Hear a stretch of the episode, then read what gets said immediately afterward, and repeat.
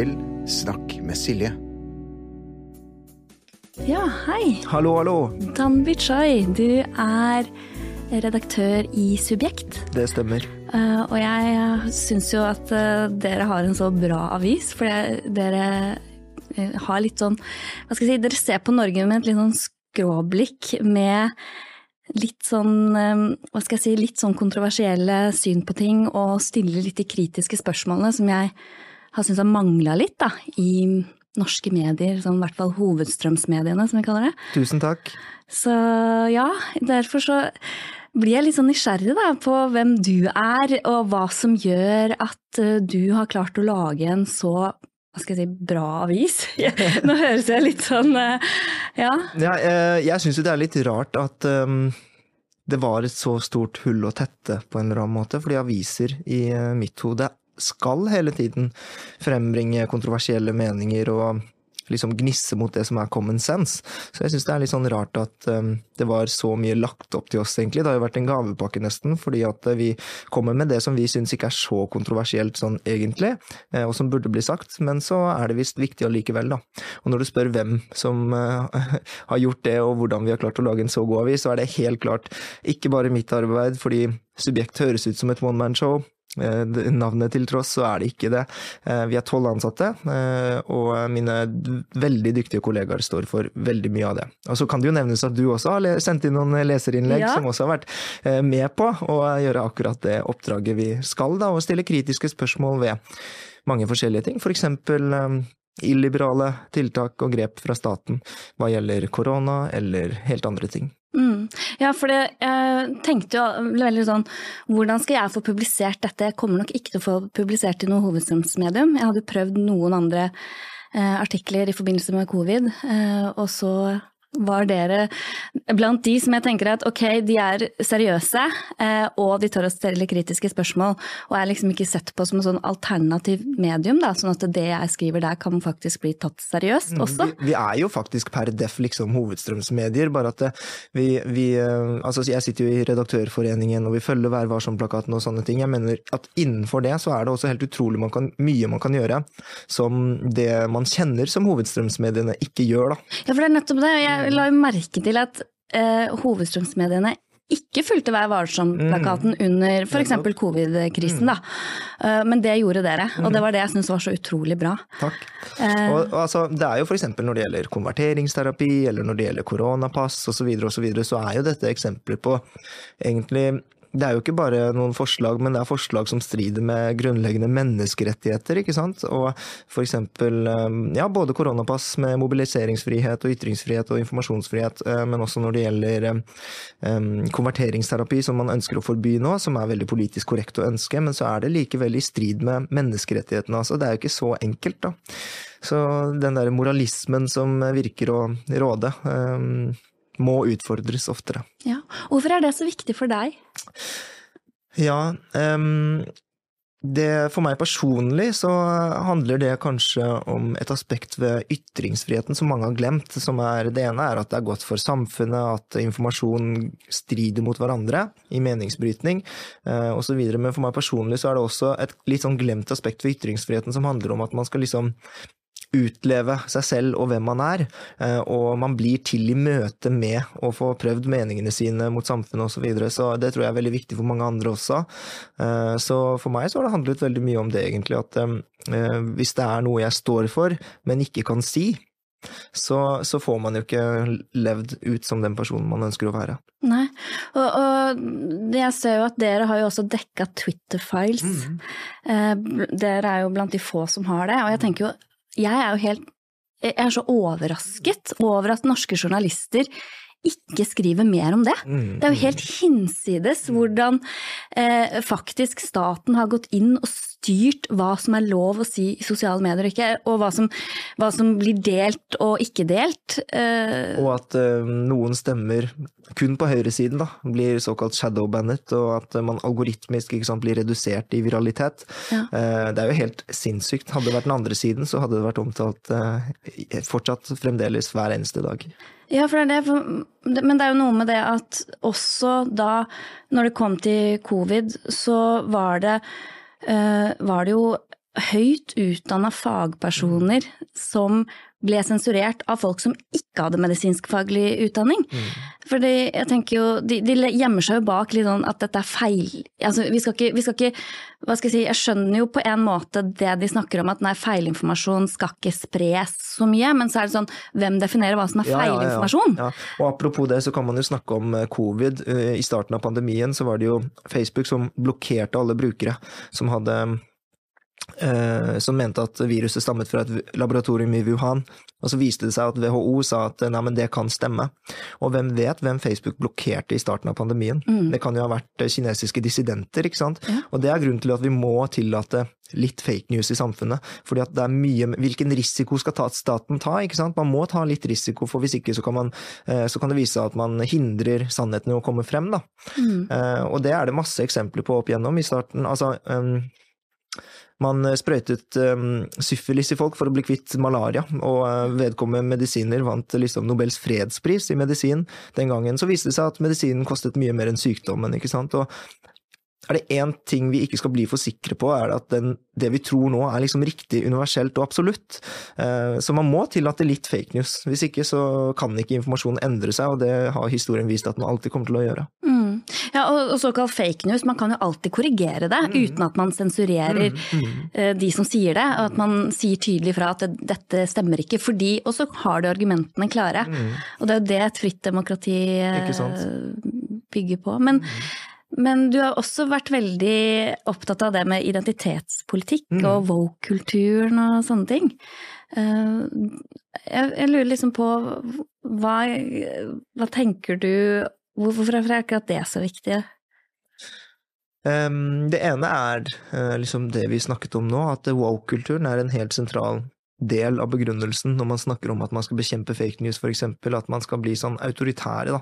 Ja. Um, jeg er jo også kritisk til uh, ekstrem høyreside og autoritær høyreside, og det uh, er av samme grunner som jeg er kritisk til woke. Jeg er jo veldig liberal, um, liberalist av hjerte, og, og er kritisk til både folk som vil banne LGBT-bøker på høyresiden, og folk som vil banne eh, koranbrenning på venstresiden. Ikke Ja. sant? Jeg er bare mot det å forby ytringer, eller eh, ja, med, med, ønsker mest mulig fritt samfunn, da.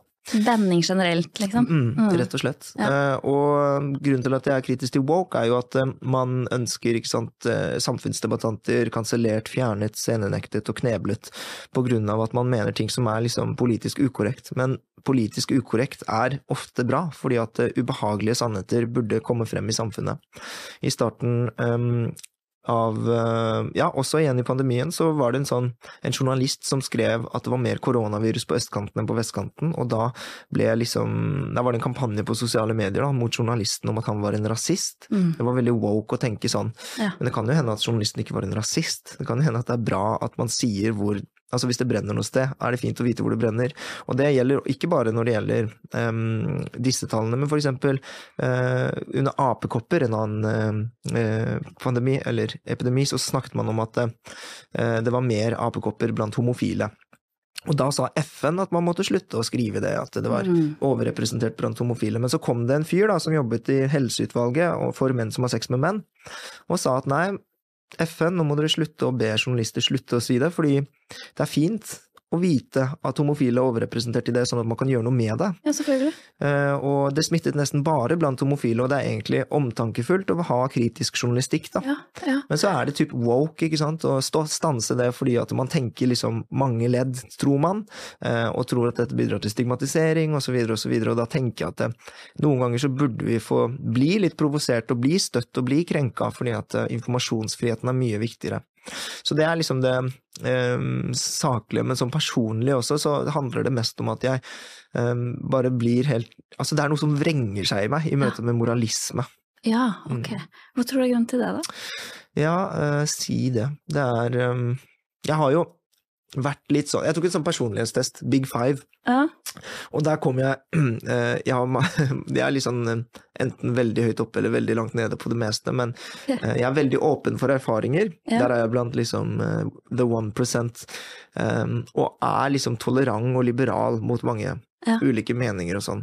Eh, Så når det grupperer seg folk eh, mot en som er liksom eksentrisk eller noe sånt, så har jeg alltid reagert, da. Jeg har alltid vært mm. fan av eh, kunst som provoserer, forfattere som eh, krenker og støter og så videre. Så Ja, for det, det er jo på en måte nesten litt det motsatte av det, det er litt sånn rart at det skal være en motsetning til woke på en måte, for, for det, tanken bak det er jo at man skal inkludere alle, at alle er like mye verdt, og at alle skal på en måte ha plass i samfunnet. Og, uh, men, men så blir det på en måte nesten sånn at det blir litt intolerant igjen, Ja, ja. fordi de, de ikke er tolerante for at, ja, eh, for at man kan ha noe kritisk syn på noen minoriteter på et eller annet nivå. Altså jeg, eh, ja, jeg er også veldig overrasket over det vi i Subjekt jobber jo mest med kulturfeltet. Mm. Og kulturfeltet promoterer jo hele tiden at de er mangfoldige og tolerante og inkluderende osv. Og, og det er jo bare motord. Det er jo ikke Det er veldig overraskende hvor lite inkluderende kunstnerfellesskapet er, da. Eh, Og kunstnere skal jo være eksentrikere, og de skal utfordre og støte osv. Så, videre. så jeg syns det er veldig rart hvordan det har kommet dit til at kunstfeltet nærmest har blitt veldig aktivistisk kun for den ene siden. Ja, ja for det, der burde jo alt flyte fritt, egentlig. Og være en sånn arena hvor alt er lov, på et eller annet vis. Det er derfor vi i Subjekt sier det hele tiden, at dette slår tilbake som en bumerang. Hvis, Ja. hvis kulturfeltet ønsker å ekskludere noen, så kommer, er det kunstnerne som først kommer til å bli rammet, bli rammet av det. Ja. Og så lurer jeg liksom på, for du er du, Opprinnelsen er fra Korea? Sør-Korea. Mhm. Sør-Korea, ja. Jeg har sørkoreanske foreldre, og så er jeg født i Norge. Ok, ja. Og så er du homofil. Mm.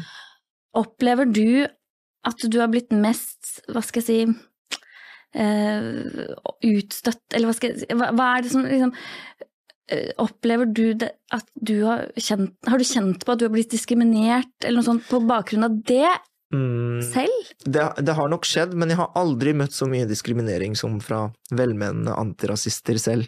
Okay. Jeg synes nok, altså det mye, Jeg får mye mer reaksjoner på at jeg liksom er homofil og sier dette med apekopper, for eksempel. Ja. Eh, Så du blir mer liksom egentlig, hva skal jeg si, uglesett for, Ja, ja. For, å, for meningene dine, og Ja. ikke nødvendigvis for eh, bakgrunnen din på et eller annet vis, det er veldig, veldig legningen din. Ja, Ja. det er veldig veldig få der ute som i Norge. Norge er, altså Det finnes selvfølgelig tilfeller av rasisme, men det er veldig veldig lite av det. Det er mye mer Det er mange ting jeg plages mer av i samfunnet, om det er for mye biler et sted, liksom, enn en dette problemet. Ja. Eh, og um, ja, ehm, for eksempel hvis jeg skriver om at eh, de tingene jeg gjør, så får jeg jo høre at liksom, ja, han spytter på sin egen minoritet, eller slikker eh, hvite folk opp etter ryggen for å bli som dem, og det er jo så stygt. Og det er jo rasistisk, fordi ja, det er jo ja, fordi, fordi jeg har den hudfargen jeg har, så må Ja. jeg representere en mening. Frigjøring for meg handler jo om å bryte ut av akkurat det. ikke sant? At jeg skal få lov til å være redaktør, og ikke en brun homo. Ja, klart det. Så, så, um, det, så ja, det kommer nok litt derfra også. Ja. Sånne opplevelser med ja, moralisme. Men du, du starta avisa for sånn ti år siden nå, så dere har jo jubileum nå. Eh, gratulerer. Tusen takk. Uh, og jeg har jo ikke egentlig lagt merke til dere før egentlig under pandemien, fordi jeg så at oi shit, her er det noen som tør å være kritiske til ting. Mm. Uh, så jeg bare lurer på, når har, har, det, har det blitt mer av det, tror du? Eller Ja. når var det dere begynte å vokse og flere la merke til dere og dere fikk flere lesere? Eh, cirka da. Ja. Eh, Men eh, altså, det har vært veldig eksponentiell vekstkurve, så vi eh, merker nå i de siste to-tre årene så har det gått veldig fort frem Mm. og oppover. Um, I starten, for ti år siden, så lanserte vi jo Subjekt som et uh, veldig marginalt papirmagasin. 500 i opplag. Mm. Så kom nummer to med 1000 i opplag, og så gikk det veldig treigt. Nå er det jo flere hundre tusen innom i løpet av en måned. Ja. Så det er, men det er jo veldig bra og betryggende egentlig at det går an å gjøre seriøs og kritisk journalistikk uten at det går eh, Altså at man snubler eller eh, støtter, ikke sant. Eh, altså ikke er det alle på Twitter ønsker at vi skal være, nemlig høyreekstreme og kontrære for kontraritetens skyld osv. Ja, ja, det der syns jeg også er så merkelig, for det, det, har fått så mange merkelapper. Når- Etter at jeg fikk eh, ja, Twitter og har tvitra litt over ulike temaer, så Altså, er jeg det sånn følger jo deg på Twitter, og jeg Ja. ser jo hvordan de trollene holder på. Det er jo helt uh, uholdbart, egentlig. Ja, og det, det er det som er så morsomt. De, men, men liksom, samtidig Jeg, jeg syns det er så rart da, når de er så intolerante mm. overfor andres meninger, Mm. Uh, også på en måte for å promotere toleranse. Mm. For det, er liksom som han er Einar Øvrenge, er det det han heter? Han, Mm. Filosofen øh, sier i hvert fall veldig sånn tydelig at hvis noe byr deg sterkt imot, Mm. men du likevel aksepterer det uten å gjøre noe med det, Mm. det er jo toleranse. Er det- Ja. Men nå skal man på en måte dra eh, Skal man på en måte kreve at nei, du skal ha lyst til å gå i pridetog og veive med det flagget. Eh, For hvis ikke er du intolerant. Så det at du aksepterer at det går et tog forbi huset ditt, Mm, mm. eh, det, det er ikke nok på Nei, en annen måte. Eller liksom Mm, ja, nettopp. nettopp. Nettopp. Så jeg skjønner hva du mener da med den bumerangen, Ja, for ja, den må jo på en måte Den, den slår jo tilbake, da. Mm, mm. Og de kaller det for toleransens paradoks, at man f.eks. tillater kritiske stemmer inn i mediebildet. Det mener de kommer til å slå tilbake, men det de ønsker er jo å ikke tillate det i forveien for å få et mer tolerant samfunn, men du gjør jo ikke det, du lurer jo bare deg selv. Det, altså, du, du får ikke mer ytringsfrihet av å lage mindre ytringsfrihet. Nei, For ytringsfriheten er jo ikke din eller min, den er vår. ikke Så liksom, vi må ha den felles for alle. Ja. Mm. ja, og jeg merker jo det at For, for jeg har jo alltid vært veldig sånn støtta veldig den uh, Hva skal jeg si Jeg har jo vært veldig woke, egentlig.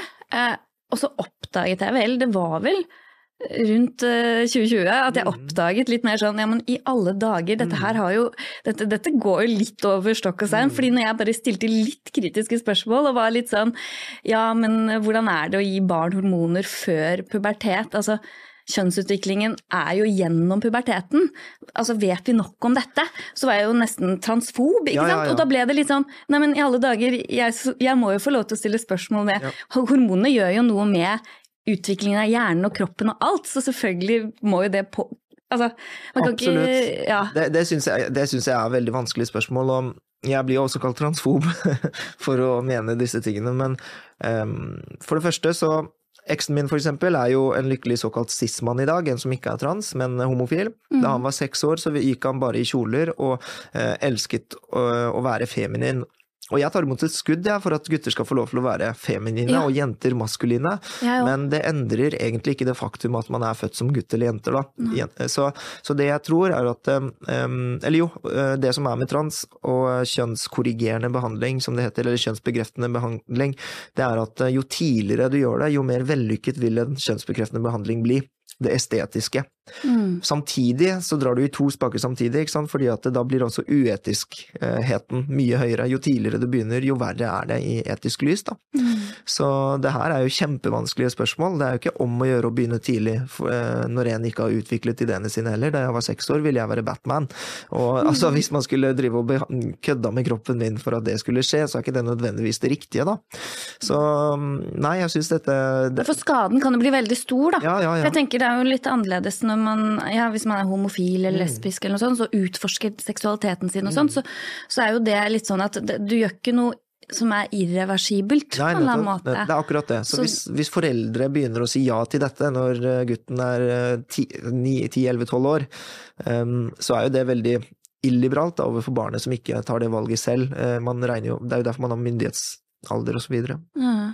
Det er jo et veldig vanskelig spørsmål, men Det det er er, jo det, og- veldig synd om man ikke kan diskutere det, litt åpent, Det da. er akkurat det. Det er veldig vanskelig spørsmål, og jeg er ikke så interessert i å konkludere i det, Ikke men heller. i å kunne snakke om det. Ja, Eh, ja. Men det er det som gjøres veldig vanskelig når, når eh, man gjør det til et transfob Hvis man gjør det til transfob, da, om Ja. mener noe. ja, for det er det, fordi hvis du da det, det er jo det som er litt med sånn kanselleringskultur, da, at man ved å si noe blir satt i en bås som noe som man kanskje selv ikke identifiserer seg som, når man, hvis man bruker det begrepet, eh, og derfor ikke får lov til å si noen ting, på et eller annet vis. Det, det er jo farlig for demokratiet, hvis Ja, ja. det skal bli sånn. Og det er jo rett og slett altså knebling for å vinne ideologisk beite. Mm. Og det som er, altså Problemet med kanselleringskultur er jo at man, ikke sant, man er ikke interessert i å diskutere. Man ønsker bare å vinne. Ja. Det er juks. Ja, ja, for det er det.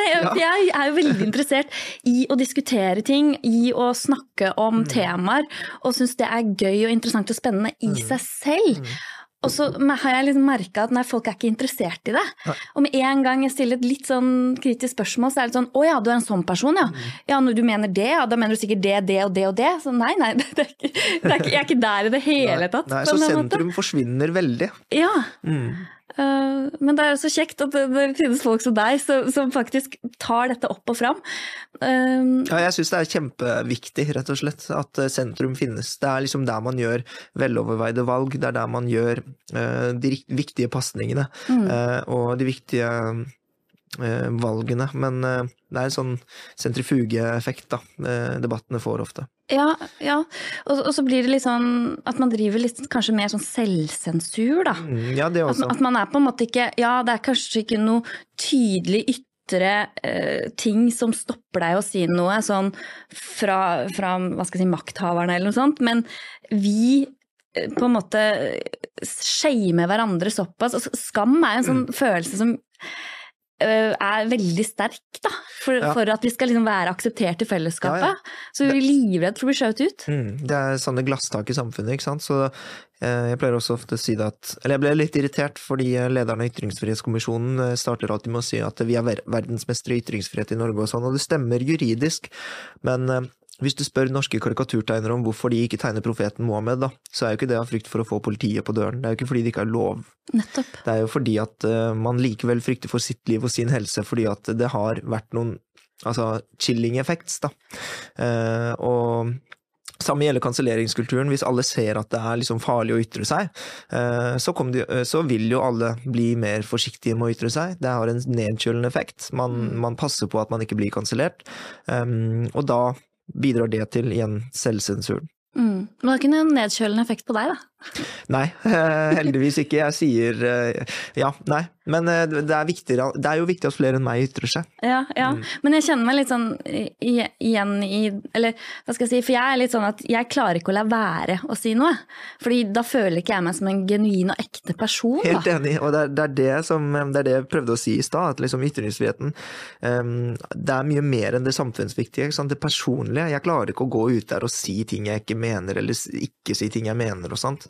Eh, og derfor er det veldig viktig for tilblivelsen av et eh, individ, og for blomstringen og alt det der. Ja, for det er sånn, den som tier, samtykker jo. Mm. Eh, og hvis alle og, så kan man jo være i et møte eller i en sammenheng hvor det kanskje er flere som egentlig er enig med deg, Mm. men hvis du ikke sier noe, og den personen ikke sier noe, så er det jo ingen som vet det, da. Mm. Og det syns jeg er litt skummelt, da, Mm. hvis det er sånn at man ikke tør å si hva man mener. Og det er jo noe som dere er med å bidra til at kanskje flere gjør, da, Mm. når dere faktisk setter fingeren på de tingene der. Mm. Og blant ungdom, det, Mm. det er jo veldig mange som ikke tør å si hva de mener. De har gjort noen undersøkelser på det. Jeg lurer på om du, du har nevnt det i en sammenheng før. At, 52 av av Ja. unge tør ikke å si Ja. hva de mener. tenk det. Opinionen sin ung-rapport. Og tenk hva, da lurer jeg på hva alle de 52 mener, da. Mm, mm. De... Ja, altså Samfunnet er jo helt avhengig av deltakelse, demokratiet er avhengig av deltakelse. Eh, så vi er helt avhengig av at folk liksom tør å si hva de mener. Mm. Eh, mm. Men det at du legger så merke til hvordan vi i det norske samfunn egentlig med en sånn fane om at vi er så tolerante, egentlig blir intolerante. Setter jeg det på spissen, da. Ja. Tror du det kan ha noe med liksom, din egen bakgrunn og oppvekst? Altså, Ja, altså jeg har jo vært veldig opptatt av eh, disse tingene lenge, men jeg vet liksom ikke helt hvor eller når det startet. nei. Uh, men det er litt sånn i møte med uh, disse glassveggene, altså, i Ja. samfunnet, at jeg bare blir sånn eh, Du merker jeg- det på kroppen, rett og slett? At nå, nå blir jeg stoppet? Nå blir jeg stoppet, og at jeg liksom må svare på det. Så jeg stopper liksom opp hver gang det er noe som hindrer, hindrer meg. Mm. Ja, og da Prøver bare å komme forbi, rett og slett. Ja, ja sant. Så da, da, da blir du ikke stående, da. Nei. Nei. Så, ja. Men, Men hvordan det har skjedd personlig, eller når det skjedde Jeg har, jeg har liksom blitt stilt det spørsmålet før, men jeg har liksom alltid vært selvstendig. Jeg har alltid vært opptatt av å liksom bestemme selv, eh, og få til å, og i hvert fall hvis jeg tror på et eller annet, Mm. eh, får lov til å utleve det, liksom, så mm, Ja, men, men jeg tror kanskje det der kan være Mm. nesten litt sånn nedfødt. Jeg kjenner litt sånn igjen ja, i det. ja, ja. Fordi jeg ble jo mobba som bare det på barneskolen, og utstøtt og alt mulig. Men jeg holdt aldri kjeft likevel. Nei, ikke sant. Jeg sa det jeg mente, og så fikk jo de bare lov til å være uenig i det. Og så fikk de Det var jo vondt å bli mislikt, selvfølgelig, men, men jeg tror ikke det nødvendigvis var pga. meningene mine. Men, men, men jeg ja, men, men for meg så var det jo, vel, var det jo en lærer min på ungdomsskolen da, som likte det ved meg, Mm. og som på en måte lot, lot det blomstre litt. Da, som Mm. fikk en sekser i norsk fordi jeg var så god til å diskutere og stille kritiske spørsmål, og ikke bare liksom Ja. Ikke sant. Så, sånn at det at man har folk rundt seg som ikke dømmer Mm. også, da, som kan være liksom motvekt, Mm. det har jo vært, vært viktig for meg Ja, ja, det er jo nesten alt. Ja. Og jeg, ja, jeg tror veldig på det også. Valgt, ja. Og kanselleringskultur og sånn, det er jo veldig nært mobbing. Det er jo det det er. Ja, Mm. ja det, er jo, det, er det er jo sosial utfrysning. Det er jo den Mm. styggeste og mest smertefulle formen for mobbing, egentlig. Mm, mm, Og så er den så subtil og syns ikke så godt. mm, mm. Sånn at- Og den oppleves å være en kamp for det gode, liksom. Ja, De tror det selv, i hvert fall.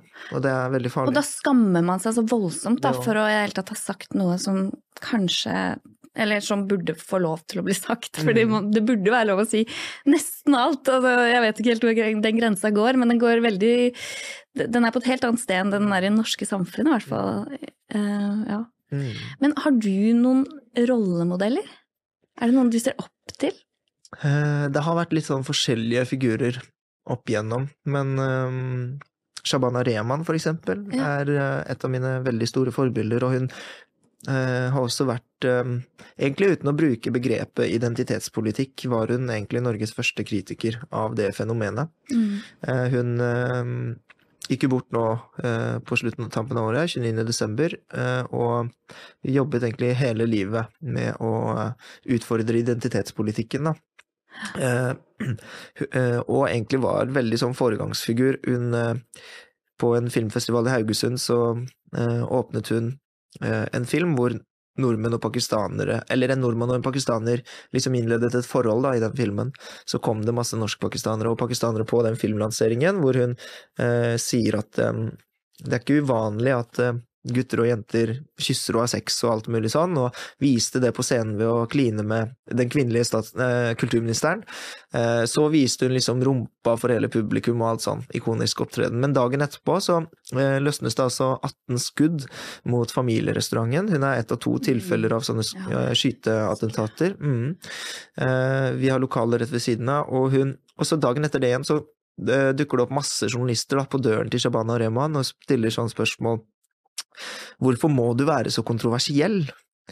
Eh, hun svarer heldigvis ja, men kan du ikke spørre de som skyter, da? Hvorfor Ja. må de være så kontroversielle? Ja. Hun viste liksom bare rumpa, og det, det hun viste var jo ikke rumpa, det hun viste var reaksjonene, hva slags tanker som finnes i samfunnet. Ja. At man har lyst til å skyte noen på grunn av at man står for det der med at gutter og jenter kan kysse eller kline under, når de ikke er under foreldrenes oppsyn. Mm. Og så var det liksom Dagbladet-forsider hvor hun malte seg selv med det norske flagget på naken og sånn, og forvirret veldig mange unge norskpakistanere da som kom og spurte sånn eh, Ja, men Shabana, er du med oss eller med dem? Mm. Og så det sånn i seg selv er jo et spørsmål Ja, det er et bare kjempespesielt spørsmål, fordi hun er sånn eh, Hun unngikk å svare på det spørsmålet. Hun sa liksom Jeg er ikke med dere eller mot dem. Være Du trenger ikke å kvalifisere deg med hudfarge for å være på lag med meg. Hvis du er liberal, er du på lag med meg. Mm. Og det lærte jo meg at jeg har jo mye mer til felles med Shabana Rehman, en kvinne, norsk-pakistaner, enn noen annen norsk-koreansk homofil koreaner. Ikke sant? Det er det jeg prøver å si, at uh, hudfarge, legning, disse tingene har jo ingenting å Altså, det sier jo ingenting om hva jeg står for, eller hva jeg mener. Nei. Og det er jo det egentlig woke-bevegelsen ønsker, Ja. at man skal synes og, og Ikke sant. Sånn at, og, sånn at tanken og grunnverdien der er vi jo enig i. Mm. Ja, og jeg er jo helt enig med Shabana Rehman, og hun Ja. er veld, jeg og henne er veldig like, egentlig, i hvordan vi tenker og alt sånn. Så uh, Kjente du henne personlig, eller? ja, Ja. Mot, uh, de, ja, de fem-ti siste, eller fem siste årene, så, Mm. eh, så begynte jeg å kjenne henne bedre og bedre. Og hun eh, eh, Ja, hun utfordret? Dette var jo på to, tidlig 2000-tall, så hun utfordret veldig det der med at hvis du er innvandrer, så må du være på lag med innvandrerne, da, eller hvis du er norsk, så må du være på lag med de nord nordmennene. Ja. Det er jo mm, altså den ideologiske overbevisningen osv. som gjør man, folk til likere og mer forskjellige. Ja, ja for det, er det, det blir en ideologi.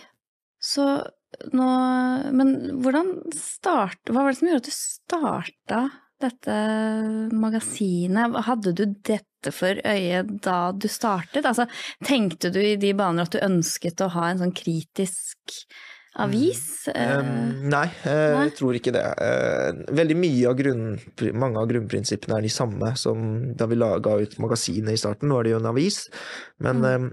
det var dette med altså kulturdekningen var den samme. Vi ønsket å um, Vi gjorde en del ja, Nei, det er liksom kulturdekningen og sånn i bånn som er likt. mm, Eh, Men så vi, ble vi mer og mer formet som en liberal avis. Et avis med et liberalt ståsted. For det begynte med å være sånn kritisk mot kunst... eh, Det har det alltid vært. Ikke sant? Så det, eller i hvert fall det der med at eh, jeg tror jo på at kritikken gjør samfunnet bedre, og at kritikken gjør pride bedre, kritikken gjør Black Lives Matter bedre, og kritikken gjør kunst- og kulturfeltet bedre om den klarer å være kritisk, da. Ja. Kulturfeltet er fortsatt kulturfelt, selv om én direktør må gå.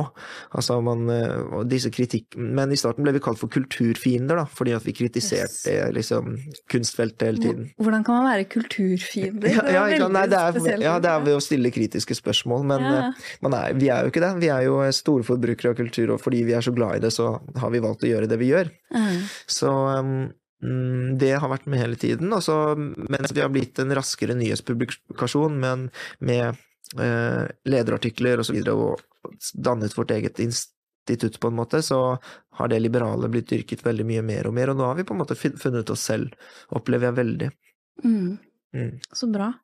Og så er det jo også sånn at um, um, i Dagsnytt 18, da, når Sigrid Sollund intervjuer Jonas Gahr Støre, så stiller hun kritiske spørsmål eh, på sitt beste, eh, og ofte da. Og da er jo hun på en måte på høyresiden, og det er jo det som er meningen, liksom. Man skal stille kritiske spørsmål til de som er i studio. Eh, men på kultur, og når Erna Solberg er der, så stiller hun spørsmål fra venstresiden. Mm. Og vi i Subjekt opererer jo på et felt, kulturfeltet, som er veldig venstresidelent, da. Så veldig mange vil ha det til at vi liksom er høyresiden, men egentlig så er det en del av liksom det journalistiske prinsippet. Å stille spørsmål fra den andre siden hele tiden, og når nesten alle lederne i kulturfeltet er på venstresiden, så blir det jo litt sånn. Men personlig så er vi ikke så veldig på høyre- eller venstresiden, vi er bare veldig liberale. Er sånn på den opp- og ned-skalaen, eh, liberal og autoritær, så slår vi veldig langt ned, da. Mm. Men på høyre og venstre er jeg egentlig ganske lite interessert i å være. Nei, for det er jo det, men det er jo naturlig at du, hvis du skal være kritisk, så blir det jo fra den motsatte siden, Mm, da. mm. Det, det er jo naturlig at det da blir mer fra høyresiden på et eller annet vis. Mm, Men øh, ja. Så, og det, det er litt sånn rart, for jeg opplever selv også at jeg har alltid vært veldig på venstre. mm, mm. Men jeg føler jeg blir skjøvet mer og mer mot liksom, eh, midten, for og så er man jo aldri enig i altså, det, det er jo enkeltspørsmål som, er, eh, som er enig på den ene og Ja, ja, helt enig. Ikke sant? Ja. Men, så jeg syns det er veldig vanskelig å egentlig vite hvilken side jeg er på nå, men så merker jeg likevel at det, det, det nesten blir litt sånn voldsomt mye er- på den ene siden. Men det er mange som opplever det sånn, og det er ikke fordi at du går mot høyresiden, det er fordi at skalaen fra høyre til venstre, så er det venstresiden som løper lenger og lenger og lenger til venstre, og hvis du da står helt stille, så vil jo midtpunktet også bytte, dytte seg bortover mot venstre. Ja. Så ender du plutselig opp med å stå på høyresiden. Ja, for det er det. og jeg bare, har gått så langt. Hvordan endte jeg her, Ja. liksom? Hva skjedde? Ja, ja. Så, ja, for det, det blir jo kanskje litt sånn Men det er jo litt det, det, du nevnte, da, med den bumerangeffekten. Ja. At man på en måte blir liksom det, er ikke du selv som gjør det, det er, det er samfunnet som beveger seg på et eller annet vis, da. Og, og hvis eh, venstresiden, eller wokistene, drar den venstresiden så langt ut på radikal venstreside, så blir jo sentrum også eh, forskjøvet, og eh, det skader jo egentlig venstresiden mest, da, dessverre. Ja, det er det som, det er, det som er litt synd akkurat, på en måte. akkurat nå så er det for eksempel eh, Det er ganske mange skremmende tall, sånn eh, var det ikke to av tre som ønsket like sterke eh, tiltak mot klimakrisen som under pandemien? Oi. Og Altså, man vil avvikle demokratiet for å, for å løse klimakrisen, og Ja, det, det- det er sånn, ja. Ja, når du så de totalitære tendensene under Ja, ja. eh, covid, så er jo det kjempeskremmende. Ja, man vil ha like sterke tiltak. Da. Altså for eksempel å forby å reise ut av landet, og forby å møtes, og forby å få kjøre bil. Ja, altså, um, Det er jo helt sinnssykt. Og- to av tre. ja, jeg tror det var sånn, men nå skal jeg være litt forsiktig. Ja, ja, ja. Det, det var mange nok til at det var skremmende. Ja, ja, ja, det er skremmende at det bare er én av tre. Ja, det, ja, absolutt. Ja. Uh, og eh, 50% ønsker å forby koranbrenning. Eh, Som jeg skjønner at det er en provoserende aksjon, men det er også en bumerang. Altså. Se for deg en eh, transperson som har vokst opp på Sørlandet, som har blitt fortalt hele livet at de må drive med konverteringsterapi, Ja. eh, og så skal han lage en performance. Jeg syns det er et bra virkemiddel ja, å brenne Bibelen, liksom, og si sånn denne boken har hele livet fortalt meg at jeg ikke kan få utleve min, min identitet. Eh, provoserende aksjon, men ytringer skal ha kraft, da. Ja. Og hvis du skal forby bokbrenning, så blir det forby, forbud av nest... Ja, altså, det stopper ikke det der, da. Det er umulig å lage en sånn lov, forresten, også. Ja, Så jeg tror um, Ja, det er også en veldig skremmende statistikk. ja. Ja, det er ganske, ganske skremmende hvor skjørt demokratiet er, da. Og demokrati, liberaldemokratiske prinsipper. Ja. ja, og så lurer jeg liksom på om det har blitt litt sånn påvirket av en sånn litt sånn svart-hvitt-tenkning. Altså, og, og jeg lurer også på om det at vi har blitt mye mer digitale, at mer skjer på sosiale medier, og at man kan google alt til enhver tid, så det er liksom det det er en sånn illusjon om at det er et faktasvar på alt. Ja, ja. At det er to streker under et svar. For det er jo så mange spørsmål hvor det ikke finnes. Som for eksempel når det kommer til forskning, Mm. så er det litt sånn at du, det, det, for at forskningen skal drives framover, så må man nødvendigvis utfordre og utforske hele tiden. Ja. Og det er jo så mange ting vi har vært så skråsikre på, Ja. som har vist seg å være feil innen forskning. Og hvor konsensus Mm. har vært f.eks. at lobotomering er en god behandling for nesten alle psykiske lidelser, ikke sant. Mm, Og det var jo, det var jo folk skjønt enige om. mm, mm, mm. Og hvis man da skulle sensurere alle de som stilte kritiske Ja, ja. spørsmål til lobotomering, hvor, hvor, ville samfunnet vært da, på et eller annet vis? Mm. Nettopp, nettopp. Så mm, det, ja, det er kjempefarlig. Og det der med to streker under svaret, det kan jo hende at det er riktig eh, frem til neste, neste forskning. Det Viser det motsatte, ikke sant. Så at hvis man ikke skal tillate det, ja, da er det jo egentlig ganske naiv og ganske selvrettferdig. Ja, og i Canada så er det jo faktisk nå forslag om at alt som strider mot det helsemyndighetene mener er konsensus, Mm. skal ikke være lov for en lege å si og mene Mm, på et eller annet nivå, ja, nivå, er hvis man skal sinnssykt. fortsatt ha lisensen sin. Så det, det, er, jo, det er jo liksom litt konsekvensen av den måten å tenke på, da, på et Mm, det er eller annet vis. Det er det der. Og så opplever jeg også at diskusjonene blir litt sånn stoppa, fordi Nei, vi, vi diskuterer ikke dette mer, vi kan bare google og finne svaret Ja, på et eller annet vis. Og så får du ikke alle refleksjonene rundt det. Nei. Eh, Nei. Det er det å forby å kritisere eller å utfordre common sense eh, som er liksom utbredt og som er kjempefarlig. Det er ikke bra.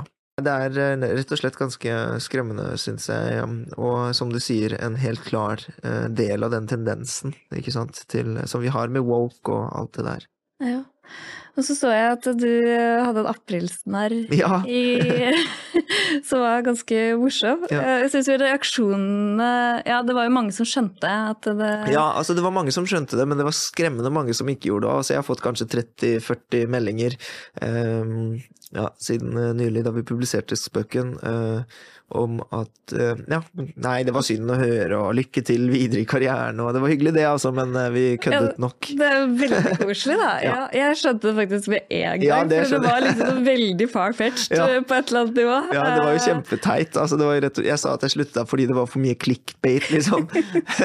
Så ja, det var litt rart om noen gikk fem på. Ja. Mm. ja, men det med clickbait, altså tror du det også Altså det, det med at du er avhengig av lesere og sånn, har noe å si for hvor, hvordan avisene forholder seg til en del tema? Eh, det, mediebransjen, ja, det har nok noe å si. Eh, og, men noen aviser kan jo skrive samme artikkel, og så deskes den ulikt på forsiden. Eh, og det gjør jo egentlig ikke journalistikken noe veldig mye dårligere. Nei. Eh, Så jeg syns den clickbait-kritikken er litt eh, teit. Ja. Vi lever av klikk, og vi Ja. lever av Altså, kulturjournalistikken har lenge vært lite lest. Vi har gjort noe med det. Vi har ønsket at flere skal bry seg om kultur. Eh, Da gjør jo vi en god jobb når vi får masse folk til å lese den. Ja. Eh, Og kulturlivet en tjeneste. Så mange har også spurt hvorfor har korona med kultur å gjøre. Det var jo ingen, ingen som var mer eh, for koronapass enn kulturlivet, eksempel, og det er helt på sin plass at vi skal diskutere. Ja, klart det. Og altså, kulturfeltet var veldig berørt pga. mobiliseringsforbudet osv. Men jo, poenget med Altså, du går jo ikke inn på kaffebrenneriet, og så gir de den, den kaffen, og så skal de ha 45 kroner for det, og så står du der og bare er sånn Fy søren, du skal bare ha pengene mine, du. Blir Det er bare-. Ja, det er liksom sånn. vi er avhengig selvfølgelig, ja. av lesere. Ja, liksom. selvfølgelig er skal vi ha, altså, også ha inntekter, og vi må betale journalistene våre. Brød koster penger, og det gjør journalistikk også. Ja. Men, men tror du at noen aviser er litt sånn engstelige for å gjøre seg selv upopulære, da? Ja, man, altså, det, det, er en, det er den andre siden av det. For eksempel, eh, jeg er jo stor tilhenger av kapitalismen og sånn, men noen ganger så lurer jeg på om liksom, er det egentlig perfekt eh, for å forvalte liksom, ytringsfriheten, da? Fordi hvorfor skal Aftenposten publisere noe hvis det bare er upopulært, for eksempel? ja, det er det jeg lurer på. Så absolutt, eh, det er nok eh, Altså, det er verdt å stille spørsmål ved. Ja. Men eh, det har jo også vært, eh, ikke sant Vi kommer nok aldri til å bli størst, men vi har, blant, vi har fått en rolle, da, siden vi gjør det likevel. Ja, for dere har jo på en måte blitt populære fordi dere gjør det. Ja. Fordi dere følger Vær varsom-plakaten. Ja. Fordi dere lar de som eh, på en måte ikke blir hørt noe annet sted, få lov til å få en stemme i deres avis, da, på et vis. Mm. Eh, for jeg syns det var veldig stygt måten eh, uvaksinerte ble shama Mm. under pandemien. Selv om jeg selv er vaksinert, så var det veldig for det at ja, men i alle dager, dette er et personlig helsevalg. Mm. Tenk å eh, kjøre ut så mye, hva skal jeg si, Det var mye hat. ja, ja, ja. hat! Og avisene var liksom jeg, jeg, Greit nok, du skal få lov til å uh, skrive et innlegg som er kritisk til de uvaksinerte, men da må du også slippe til Mm. de uvaksinertes meninger på et eller annet vis, da. Helt klart. Eh, Og så er også ja, og- og er det noe med det at det var faktisk eh, folk som fikk alvorlige konsekvenser, en kompis av meg som fikk alvorlige konsekvenser av vaksinen, og det er liksom, det er utilgivelig. Altså det er som det derre filosofieksempelet med eh, en person som går over på Nei, fem personer som går over på rødt lys over noen togskinner, og så er det én person lenger borte som uh, ikke blir påkjørt med mindre du drar i den spaken. Kjenner du til eksempelet? Mm. Og så er det da det er, ja, Konsekvensetisk så er det jo riktig å dra fordi det bare tar ett liv, men, Mm. eh, men så er det jo det at vedkommende ikke har gått på rødt lys, så vedkommende egentlig skal være trygg, og i tillegg så er det du som gjør en handling for å drepe noen.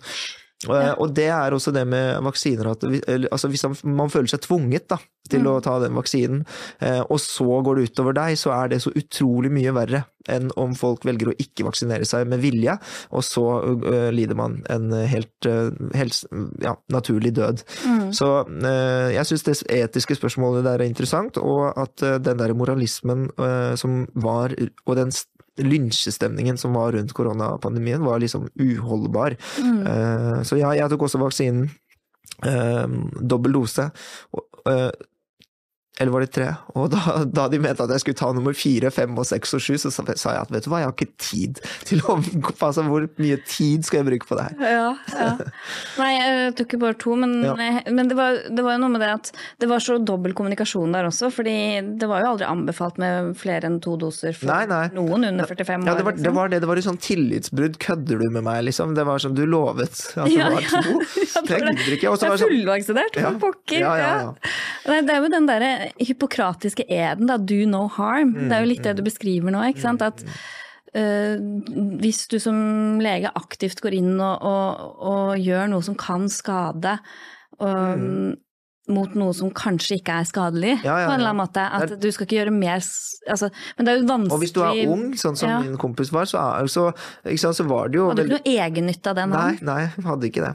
Nei. Eh, tvert imot så ble han veldig, veldig syk. Ja, og det er det jo faktisk ganske mange som har blitt. Ja, ja. Og det, det også syns jeg er litt rart at det ikke ja, snakkes om mer om. ja, nettopp. Og selv om det tavlet er lavt, så er, det, så er sant, eh, paradokset ved at du skal bli frisk og blir syk pga. En, en anbefaling, det er nettopp utilgivelig. Ikke sant? Så det er så Ja, de skjebnene er jo de kan, Mange har fått hele livet sitt ødelagt Mm, etter den vaksinen, da. Og så er det liksom det at vi som sier disse tingene, blir beskyldt for å ville folk vondt og drept. Ja, det er også veldig ja, de drar den så langt.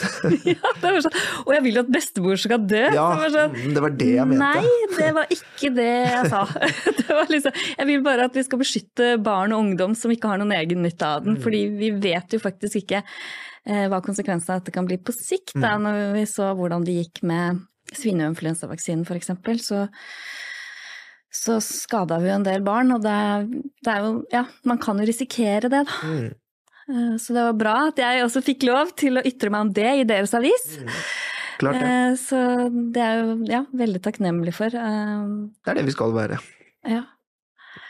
Men ja, er det liksom eh, Du har jo ikke på en måte Du, du starta avisen selv da du gikk Var det på videregående? Ja, Jeg droppet faktisk ut av eh, videregående i andre klasse for å begynne med dette. Og jeg var jo 18 da jeg begynte med prosjektet, så jeg var veldig ung. Eh, Og vi gikk jo på en måte i alle feller. Eller jeg, da, det første nummeret var jo bare jeg som sto bak. Eh, Gikk jo i alle feller man kan gå i når det er, når det er så ungt og ambisiøst og så videre. Men eh, jeg ga ikke opp. Eh, Fikk med meg flere på laget, og da begynte det å bli veldig bra. Ja.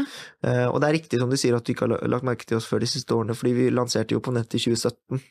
ja, det er derfor, ja. Og så ble det Så tok det tre år før vi begynte å bli kjent, men ja. Det var jo med veldig stor risiko, da. Eh, For det første så tok jeg forbrukslån eh, hele det første året for, for å betale meg selv.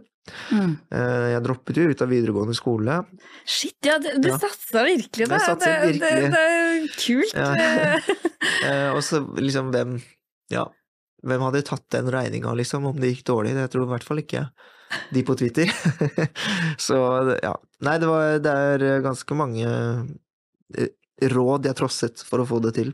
Ja. Mm. Ja, så hadde du en sånn kraft allerede da, eller ja, du, eh, hvor, hvor du bare Nei, dette skal jeg, liksom. Mm. Og kjørte på. Og jeg blir jo så nysgjerrig på hvor du tok det, ha, har det fra. Men det, det er liksom det, man veit jo ikke alltid det. Det er liksom bare Nei. noen ganger man har liksom med seg en sånn guts Ja. og iver og giv. Og er litt sånn uredd og har liksom troen på at, at dette, dette vil gå bra, liksom. Mm, mm. Og hvis ikke, så går det over, på en måte, eller? Ja, nei, jeg aner faktisk ikke helt sånn konkret hvor jeg har det fra. Men, eh, men eh, mm. Nei, men det er jo deg, da. Ja. Ja, det, Det er det det, er, det er liksom Danby som ja. har fra han var ung og Mm. eh, har på en måte mm, gjort egentlig det, det må jo være noe med at du har en indre motivasjon for det, da. ja. Det kommer veldig innenfra, opplever jeg. Um, For hvis ikke så hadde du ikke klart det hvis det, det var faktisk penger du var motivert Nei, nei. av, eller fame, eller Nei, altså det, det som er umulig å ta fra meg eller prosjektet, var jo at uh, jeg jobbet helt gratis de to-tre første årene, i hvert fall. Mm. Uh, og at uh, da Og det var veldig ideologisk, og det var altså Ja, det er ikke født ut av et mål om å lage en bedrift engang. Jeg tror ikke jeg helt visste hvordan man gjorde det, eller hva, hva det var. Så jeg tror jo ofte det at det mange gründere gjør feil, er at de tenker at jeg skal bygge en bedrift. Ja. Og så hva slags produkt skal jeg lage da? Det er ikke sånn man gjør det, man må jo være opptatt av å bygge et pro altså prosjektet, eller den ideen, eller eh, produktet. Det er jo det Ja. du må være opptatt av. ja. Og så er bedriften egentlig bare rammen for hva som er lov, og hvordan man gjør det, liksom. Ja, ja, hvordan man overfører penger for å betale den. Men eh, hvis du er mest opptatt av å bygge bedrift, tror jeg du synker ganske fort. Mm. Ja, så det Ja, så du Du hadde på en måte det var, Du trodde på prosjektet, og det var på en måte noe du var interessert i. Ja. Eh, fra innsiden, og det er jo litt det jeg kjenner med denne podkasten her også, da. At Ja. det er på en måte Jeg tror ikke det er en dritt å tjene på det, Nei, nei, nei. Eh, men, men jeg har jo egentlig et ønske om noe av det som kanskje også driver deg nå, at jeg vil at alle skal ha en stemme, da. Mm. Eh, og at folk skal på en måte forstå litt hva som ligger bak folks meninger. Ja, ja. At det er liksom, det, du er ikke en dårlig person bare fordi du ikke er enig med flertallet. Nei, nei, nei. Uh, nei, men det er jo helt riktig sted å starte, syns jeg. Ja, Altså, det er en annen idé, men altså at man er mest interessert i det, og ikke bare rammen, på en måte, som mange er. Ideen av å lage en podkast, eller ideen av å um, lage en bedrift, eller uh, ja, noe sånt. Og ja, det at alle skal få ytre seg fritt, uh, og at man skal prøve å forstå hele mennesket og ikke være så dømmende, da. Mm, mm. Ja. Det har jeg troen på. Ja, jeg håper jo det. At det går bra. At folk er interessert i å høre. Men eh, det tror jeg jo. Og jeg, tror folk, jeg håper jo at eh, mange hører på det, alt det du har sagt her i dag, for det, det er så viktig. Det er, ja. Det er uh, Du er jo på Twitter som, og, som meg, og det er så mange man skulle ønske at faktisk hørte på um, episoder med folk og hva de faktisk mente, og prøvde å se det, hvilke personer de var, i tillegg til bare Ja. Det blir så Man blir så hva, hva, Hvilke ord skal man bruke? Man blir så man, De er så opptatt av å ta folk eh, på Twitter og på sosiale medier og alt sånt. Et av mine andre forbilder, Dia Khan, sa også det at man eh, i hvert fall i et sånt format, eh, hvor man tidligere har vært um, opptatt av å snakke med hverandre, se hverandre, gestikulasjonen, mimikken, tonefallet. Um, det har forsvunnet helt, da, med tastaturet, ikke sant, hvor alt går gjennom bare noen bokstaver. Ja. Så det er jo veldig mye vi mister i kommunikasjonen, og i hvert fall på Twitter. Uh, hvor alt er liksom 120 tegn maks.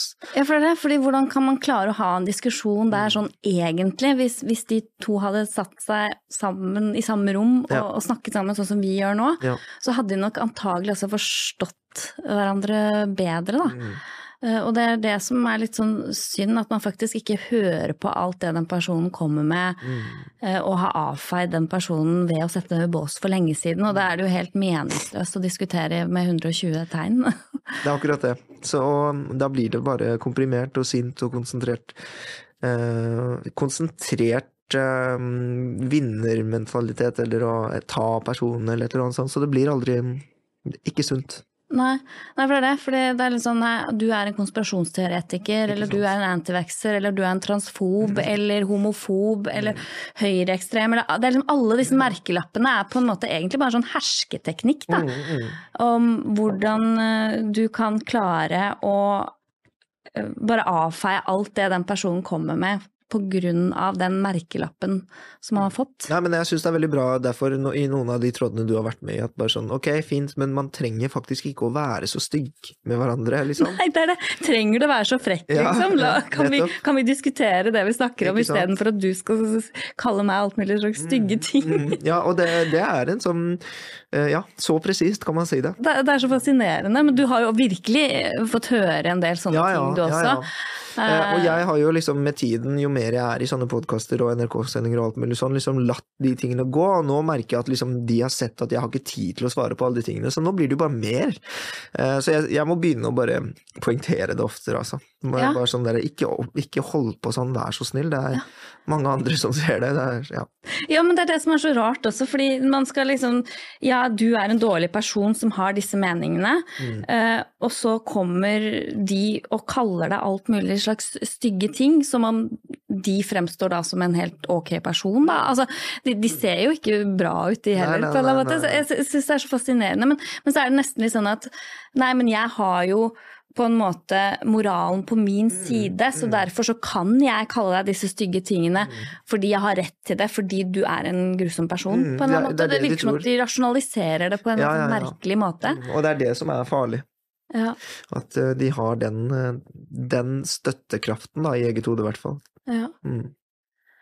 Ja, nei, men eh, vi får jobbe, jobbe imot det, og, og fortsette egentlig bare å, å si de tingene vi mener, og gi folk plass og rom til å få utfordre konsensus, Mm. og utfordre den rådende, hva skal jeg si, den eh, Moralen, eller noe sånt. Ja, ja, det er liksom det. For det, det er mye moral her, Ja, ja, jeg har lagt merke til. Ja. Og, og, og at det er litt sånn at nei, er du ikke enig med oss, så skal du skamme deg. Mm. Og, og, og den skamminga, Mm. den Det er jo det, det er liksom, Du gjør nesten sosialt selvmord ved å komme med en del ytringer som Mm. vi har gjort, da. Mm. At men samtidig så, så merker jo jeg da at Men det er jo noen som faktisk setter veldig pris på det, og, og på at noen tør å si det mange ikke tør å si, da. Mm.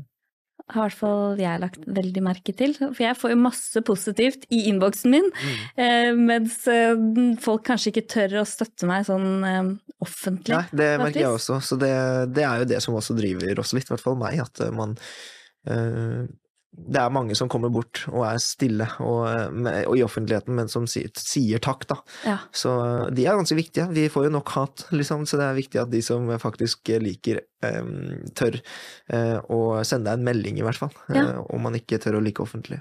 Men den summa summarum, altså jeg opplever faktisk personlig da eh, at jeg får mer støtte enn jeg får hat. Og de er nok veldig høy, det er en veldig høylytt minoritet som driver og er eh, stygge og hatefulle på Twitter.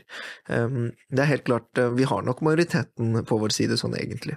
Ja, jeg, jeg opplever i hvert fall det. Ja. Så, og jeg tror nok du også har det, egentlig. Mm, mm, I og med at når du ser hvor mange lesere dere har, Mm, eh, også i kommentarfeltene deres, det er jo ikke representativt for den lesergruppa dere har egentlig heller, da. Nei, nei. nei, nettopp. Ja. Det er, no, det er de samme 200 som bare turnerer i alle mediers kommentarfelt, som en karusell, liksom. Ja, men, de, men de er jo litt eh, De er høylytte, og de sier mye, men de er jo bare de 200 menneskene i hele Norge som holder på sånn. Det er jo ikke en stor eh, Det er ikke egentlig en stor trussel. Nei, men samtidig så kan man jo få en sånn, hva skal jeg si, en sånn øh, falsk eh, forventning om Ja. at det faktisk representerer Det samfunnet. det. Mm. Og det er jo litt synd. Det er ikke bra. altså Det må man påpeke hele tiden, at de er bare en liten høylytt minoritet. Ja, Som de er. ja. Men eh, er det noe mer du liksom har lyst til å bidra med nå, eller noe du føler at du ikke har fått sagt, eller Mm. Nei, egentlig ikke. Bare en oppfordring til alle om å si det hvis de mener det. Og Ja. Sende det inn til oss om det er eh, til subjekt, om det er noe de brenner for, og om det er et bra Eller altså en, en sak de mener burde opp og frem. Ja, supert. Tusen takk for at du ville komme hit til Snakk med Silje. Takk for invitasjonen.